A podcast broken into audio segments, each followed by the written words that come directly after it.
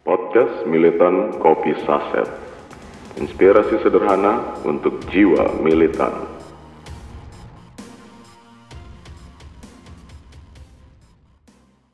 Halo, kamerat militan, selamat bergabung di podcast Militan Kopi Saset Minggu pertama bulan November tahun 2019 Bersama gue David yang akan menemani kalian selama 20 menit ke depan Di kesempatan ini kita bakal bahas rahasia seorang pemuda yang berhasil memecahkan rekor dengan meniduri 57 perempuan dalam 24 jam Iya, kalian gak salah dengar 57 perempuan dalam 24 jam Pengen tahu apa rahasianya? Simak podcast kita kali ini. Cerita ini menjadi menarik karena pria ini sepertinya telah melampaui batas kemampuan manusia. Bayangin aja, 57 perempuan dalam 24 jam yang kalau kita konversikan 24 jam itu sekitar 1440 menit dan dibagi 57 artinya 25 menit. Jadi kalau tanpa jeda dia melakukan hubungan antar wanita itu menghabiskan waktu 25 menit.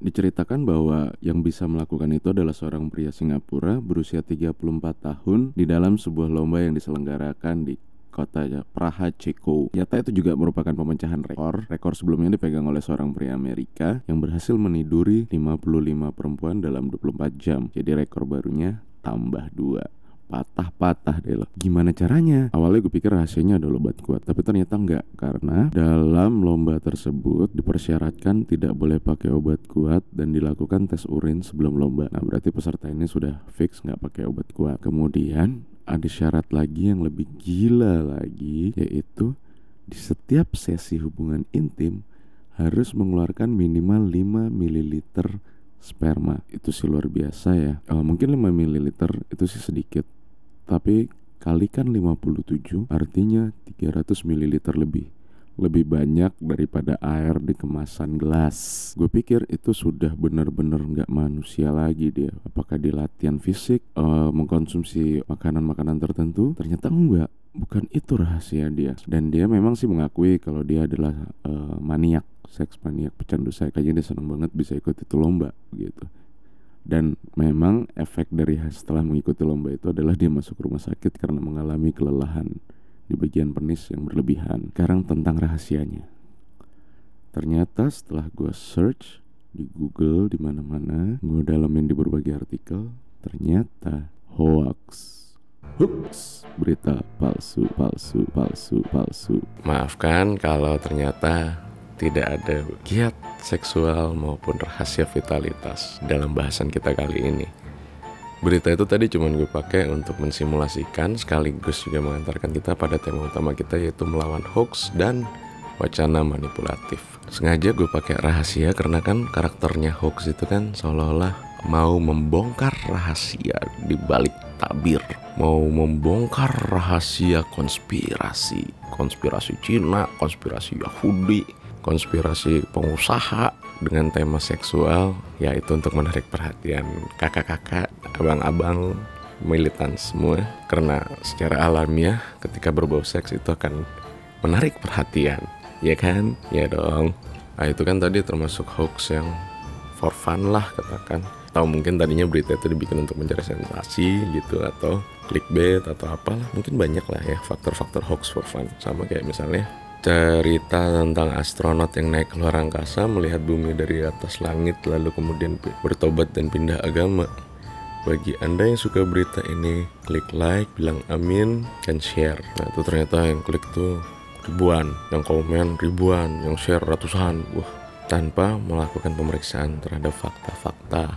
Padahal banyak koran-koran besar berusaha melakukan konfirmasi terhadap si astronot tadi dan ternyata astronot tadi bilang gue nggak pernah pindah agama kok. Nah itu masih hoax-hoax yang gue pikir nggak terlalu berbahaya. Ada juga hoax-hoax yang berbahaya yang berpotensi pada konflik horizontal ya kan? Bisa memicu memprovokasi sara. Itu sudah terjadi kan? E, kemudian hoax yang diarahkan pada kepentingan-kepentingan politik kelompok tertentu. Nah Kenapa hoax menjadi perhatian kita sama-sama? Karena hoax ini juga bisa menghancurkan kehidupan berbangsa dan bernegara serta membuat demokrasi dalam keadaan sakit. Kenapa? Karena pilihan-pilihan kita dalam politik didasarkan pada kebohongan. Itu nggak hanya terjadi di Indonesia, Mungkin teman-teman bisa cek uh, bagaimana voters Brexit uh, voting untuk menentukan apakah Inggris keluar dari Uni Eropa atau tidak. Atau teman-teman boleh juga cek berita tentang propaganda Rusia pada saat ketegangan di Crimea atau pemanfaatan propaganda bohong pada masa pemilihan presiden di Amerika Serikat. Banyaklah contohnya itu bisa teman-teman periksa lagi di Google. Jadi bisa dibilang fenomena ini terjadi di berbagai belahan dunia dan katanya kita itu lagi memasuki era post-truth. Era post-truth itu era di mana orang tidak lagi mementingkan kebenaran-kebenaran objektif, fakta-fakta objektif dalam membuat suatu keputusan. Jadi udah nggak penting lagi itu benar atau salah secara rasional. Tapi yang terpenting adalah sesuai dengan selera atau tidak. Ya itu juga dijelaskan lebih lanjut dan juga ada teorinya di psikologi confirmation bias yaitu di mana seorang menerima kebenaran didasarkan pada keyakinan-keyakinannya. Yaitu sesuatu yang tidak disengaja memang sesuatu yang tidak disadari mungkin ya. Nah contohnya apa? Misalnya begini pada masa pilpres kemarin kamu adalah pendukung Pak Jokowi. Segala berita yang buruk tentang Pak Jokowi. Kamu bilang itu nggak benar itu. Yang baik tentang Pak Jokowi. Nah ini baru benar. Atau sebaliknya kamu pendukung Pak Prabowo. Segala berita yang mendiskreditkan Pak Prabowo Kamu bilang ah ini hoax bikinan penguasa Ini hoax. Pak penguasa adalah produsen hoax terbesar. Nah atau kalau berita-berita yang positif tentang Pak Prabowo Ini adalah fakta-fakta yang tidak diungkit. Masyarakat oleh media Padahal ini berita bagus sekali tapi apakah kalian memeriksa berita-berita itu satu persatu? Memeriksa wacana-wacana yang disebarkan buzzer itu satu persatu? Enggak kan? Ya pokoknya kalau sesuai, gue share. Kalau nggak sesuai, gue bilang hoax. Nah, itu tadi tentang confirmation bias. Nah, selain hoax, itu ada juga tentang Wacana manipulatif. Wacana manipulatif ini biasanya dilancarkan oleh penguasa, ilmuwan, dilancarkan oleh orang-orang pinter dengan berdasarkan riset-riset katanya, teori-teori, asas-asas. Sebenarnya mereka nggak nggak salah juga, benar. Tapi lawan bicaranya saja yang terlalu lemah untuk menanggapinya secara kritis. Misal begini, gue kasih deh pokoknya kalau yang bau-bau seks 9 dari 10 siswi dinyatakan tidak perawan lagi. Nah, lu yang khawatir misalnya tentang kehidupan beragama langsung merasa terancam. Wah gila nih. Bisa menjadi apa bangsa ini? Wah lu share lu share lu share dan lu share. Karena itu sesuai dengan keyakinan lu kan. Artinya itu menyinggal tentang keyakinan lu. Bersinggungan dengan apa yang lu percaya bahwa seseorang itu harusnya perawan sampai dia menikah. Ya enggak? Itu kan lu yang dari keagamaan. Bagaimana kalau om om senang ya kan? Weh 9 dari 10 nih katanya. Wilayah A nih gue samperin ke sana lah. Banyak ABG nih Cien ya kan? Nah skip itu soal itu kita kembali ke masalah validitas riset. Ternyata wilayah A itu yang dia pakai adalah sekolah-sekolah yang isinya memang ringsek orang-orangnya gitu. Ternyata dia cuma riset di 5 sekolah dari ada 100 sekolah atau 30 sekolah dari 100 sekolah hanya 30 persennya dan itu dia pilihin yang ringsek-ringsek coba dia random di 100 sekolah itu apakah hasilnya masih 9 dari 10 jangan-jangan malah terbalik hanya satu dari 10 siswa yang tidak perawan lagi ketika samplingnya diperbesar ya kan? Tadi kan samplingnya udah dititikin nih sama dia untuk membuat propaganda. Padahal kalau samplingnya diperbesar ada kemungkinan jadi satu dari 10 yang tidak perawan. Ngerti ya maksud gue? Udah nangkep kan segini? Jadi risetnya bener ada metodenya dipakai bener hitungannya bener faktanya ada tapi kan sampelnya yang dimainin ya kan bisa dong seperti itu itulah yang gue katakan sebagai wacana manipulatif apa sih yang biasanya diinginkan dari hoax dan wacana manipulatif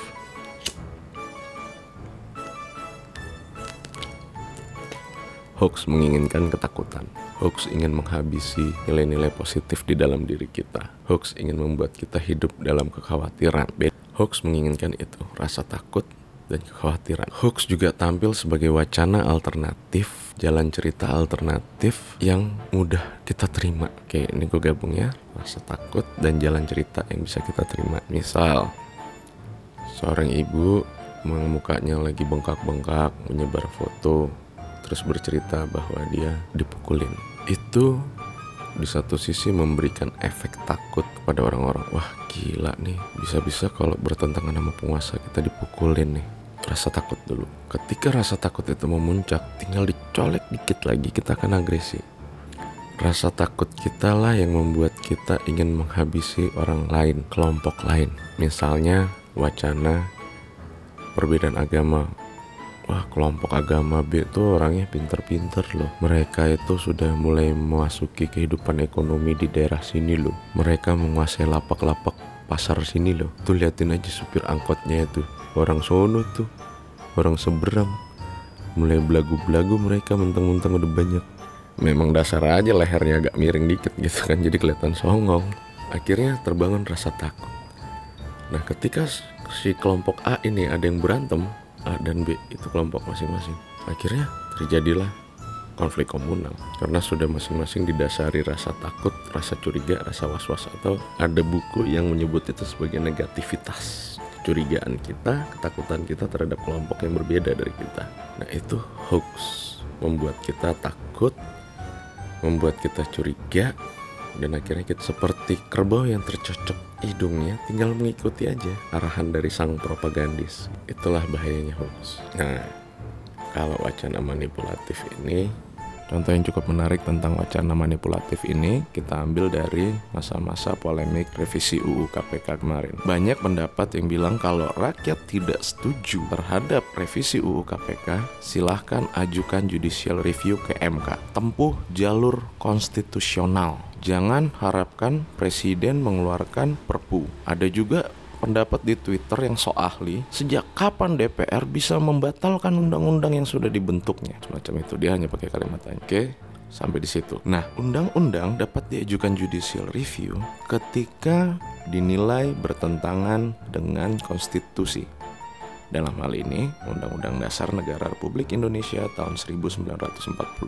Misalnya gini, pasal yang tidak kita suka itu ada tentang SP3. SP3 memang itu meningkatkan kepastian hukum dan kepastian hukum itu sesuai dengan konstitusi. Otomatis MK ya tidak mungkin membatalkan pasal ini karena sesuai konstitusi. Kemudian mengenai Dewan Pengawas, Komisi Pengawas untuk dibandingkan ke pasal konstitusi yang mana, argumentasi yang cukup menarik bahwa undang-undang yang buruk sekalipun belum tentu bertentangan dengan konstitusi. Yang artinya undang-undang yang jelek itu juga nggak bisa kita ajukan ke MK untuk dimintakan judicial review. Wacana kedua, seolah-olah kalau presiden mengeluarkan perpu itu tidak konstitusional itu konstitusional. Memang presiden boleh membuat undang-undang dalam keadaan darurat, yang disebut sebagai peraturan pemerintah pengganti undang-undang. Yang ketiga, sejak kapan DPR bisa membatalkan undang-undang yang dibuatnya sendiri? Lah coba aja cari undang-undang ada nggak yang pasal penutupnya? Dengan diterbitkannya undang-undang ini, maka undang-undang A, B, C, D, E, F, G, H, I, J, K, L, M, N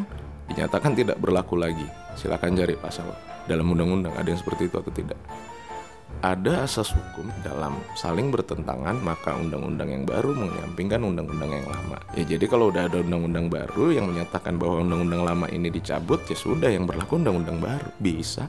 Nah di sinilah kita termanipulasi. Kita yang tidak paham kagum. Wah konstitusional. Wah judicial review. Tapi kita melupakan semangat spirit dari reformasi yaitu kita memberantas KKN hingga ke akar-akarnya. Korupsi adalah extraordinary crime yang harus kita lawan dengan extraordinary measures and procedures. Kita butuh lembaga yang super body untuk melawan korupsi yang sudah masif dan sistematis hingga mengakar kita lupakan spirit itu. Ada lagi argumentasi konyol. Dia bilang sudah ada KPK korupsi malah tambah banyak. Bukannya tambah banyak, banyak yang ketangkep jadi masuk TV. Ya kalau nggak ketangkep ya seolah-olah sepi karena nggak ada yang masuk TV. Ini wacana-wacana semacam ini berusaha mengotori pikiran kita dengan argumentasi yang seolah-olah benar. Nah ini yang gue ngomongin tentang wacana manipulatif. Atau ada pendapat ahli lain yang misalnya bilang ya KPK sudah terlampau jauh. KPK ini harus diawasi. Uh, pendapatnya pokoknya pakai asas-asas pakai prinsip-prinsip ya kan? Terus temen gue yang lain-lain juga wah share share share share share share share karena menurut dia itu mendukung pandangan dia sesuai dengan keyakinan-keyakinan dia yang pro pemerintah. Tanpa ngecek apakah si ahli itu pernah menjadi narapidana KPK atau tidak. Jangan-jangan pernah dia yang menginisiasi dia pula yang tersleding oleh KPK bisa kan? Bisa terjadi tanpa melakukan pengecekan latar belakang dulu. Kenapa cek latar belakang penting? Karena ada yang namanya konflik of interest, konflik kepentingan, iya kan? Latar belakang dendam semacam itu kan bisa terjadi. Ya, ambil yang netral-netral aja sih harusnya. Ya tapi itu tadi karena sesuai selera ya share share share share share share aja. Di sinilah kita penting untuk sama-sama belajar kultivasi propaganda di sosial media. Kultivasi itu penanaman, menanam. Jadi seolah-olah realitas kita itu dibentuk media menanam realitas. Begitu juga dengan sosmed. Tiap pagi kita buka WhatsApp, udah berita-berita yang membuat kita ketakutan, membuat kita cemas, membuat kita khawatir. Itu baru dari WhatsApp. Itu pun dari satu grup. Kalau ikut 15 grup, ada 15 kali 15 ngeri nggak? Citra di dalam pikiran kita bahwa kita ini sudah hidup dalam keadaan yang berbahaya. Kita ini terancam kehadiran kelompok B. Kita ini terancam oleh agama A. Kita ini terancam oleh agama B. Ada konspirasi A ada konspirasi B. Nah di sinilah kemampuan kita untuk menilai secara objektif dengan pemikiran yang kritis. Pemikiran kritis itu juga tidak gampang dan mengenai pemikiran kritis ini akan gue bahas di segmen terpisah tapi yang pasti kali ini gue udah menceritakan beberapa karakteristik hoax. Jadi mungkin teman-teman udah mulai bisa ya kalau udah mulai ngomongin tentang rahasia gitu. Ingat aja langsung podcast ini anjir nih jebakan Batman nih jangan-jangan. Kalau udah bawa-bawa rahasia, udah bawa-bawa konspirasi ya kan. Ingat podcast ini bisa jadi kamu masuk dalam jebakan Batman. Atau ketika itu membuat ketakutan-ketakutan, sengaja memancing ketakutan-ketakutan, kekhawatiran di dalam diri lo. Lo udah harus lo aware, ini propaganda apa bukan. Berikutnya setelah lo memiliki awareness, setelah lo mampu mendeteksi adanya kemungkinan hoax, searching lah, carilah berita-berita yang relevan, berita-berita yang tereditorial, atau mungkin juga bisa juga memanfaatkan jasa-jasa layanan media yang ada counter hoax begitu. Mereka akan memberikan link berita awalnya seperti apa atau video aslinya seperti apa, foto aslinya seperti apa. Kemudian melawan hoax. Melawan hoax itu ada satu hal yang cukup menarik secara keindonesiaan, yaitu nyinyir. Jadi kalau gue amatin, firehouse of falsehood propaganda, propaganda kebohongan yang disemburkan begitu besar, itu hampir berhasil tetapi gagal karena apa? Karena netizen plus 62 lebih nyinyir daripada propagandis dan buzzer-buzzernya. Propagandisnya baru nyebarin satu kebohongan, kita udah langsung nyinyirin itu dengan 10 variasi gitu. Kita udah ungkit semua sampai ke belakang-belakang gitu. Nah itu sebenarnya pola yang sangat bagus untuk melawan hoax gitu. Apalagi kalau memang kita mengerti tentang fakta-fakta tersebut. Tapi ya tetap pelajari dulu baru angkat bicara. Jangan sampai malah memajukan argumen yang salah juga begitu. Nah, atau tampilkan secara lucu-lucuan gitu. Lebih anu daripada yang nganu, ya kan? Bercanda itu adalah budaya kita yang paling asik sih. Yang propagandis tadi wah berasa anjrit gue cuma jadi lelucon doang, sialan gitu. Jadi nyinyir itu bagus sekali. Bangsa-bangsa yang nggak nyinyir terpengaruh oleh Firehouse of Falsehood. Oke, okay?